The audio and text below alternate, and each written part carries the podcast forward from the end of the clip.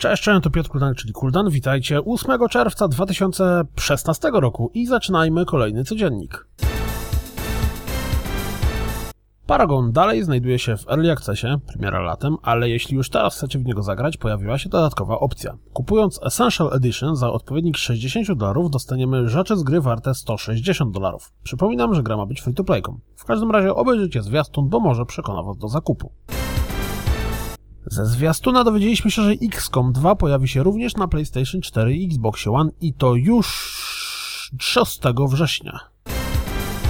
28 października na PlayStation Vita i PlayStation 4 zawita World of Final Fantasy. W grze wymieszane zostaną znane elementy wszystkich światów Final Fantasy, a dodatkowo postacie przedstawione w wersji Super Deformed. 17 czerwca Bard's Gold zawita na PlayStation 4, PlayStation Vita i Xbox One. Gra w sierpniu zeszłego roku pojawiła się również na PC. Jeśli interesują Was staroszkolne platformówki wymieszane z odrobiną RPG, to sprawdźcie zwiastun. Pojawił się Tethered, który natychmiast wzbudził moje skojarzenia z Creatures z lat 90. Tytuł zmierza na PlayStation VR i ma pojawić się wraz z premierą gry. Za grę odpowiadają dawni pracownicy z Evolution Studios. Razem z premierą dostaliśmy premierowy zwiastun Minecraft Story Mode Episode 6 A Portal to Mystery. Pojawił się nowy zwiastun, czy też dziennik deweloperski Mirage Arcane Warfare, który opisuje to, jak krwawa będzie ta gra i dlaczego będzie taka krwawa. Jeśli do tej pory nie interesowaliście się Alien Nation, to może zwiastun, w którym znajdziecie fragmenty recenzji, was przekona. Ponieważ już niedługo pojawi się wypasiona pudełkowa wersja Homeworld Deserts of Kharak, które wydają nas Techland, to zaprezentowano zwiastun o powstawaniu ścieżki dźwiękowej do gry.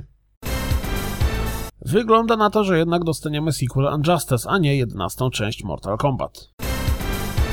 Eurogamer zabrał różnorakie ploty zapowiadające, czego możemy spodziewać się od Bethesdy na E3. W skrócie, Pride 2, The Evil Within 2, Remaster Skyrima i Wolfenstein 2. Curuśgate, pamiętamy.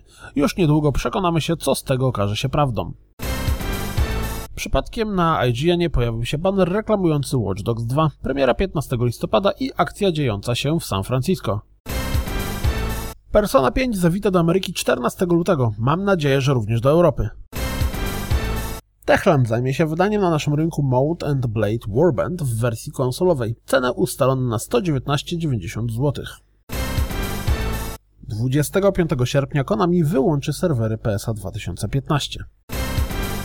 Jeśli grywacie w tryb wieloosobowy w Uncharted 4, to może zainteresuje Was instruktażowy filmik.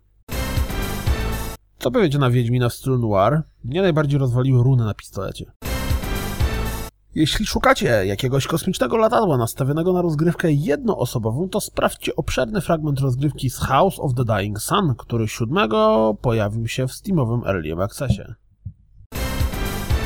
Nie podejrzewałem, że kiedyś to powiem, ale obejrzyjcie ten filmik związany z Minecraftem. Jest naprawdę niezły.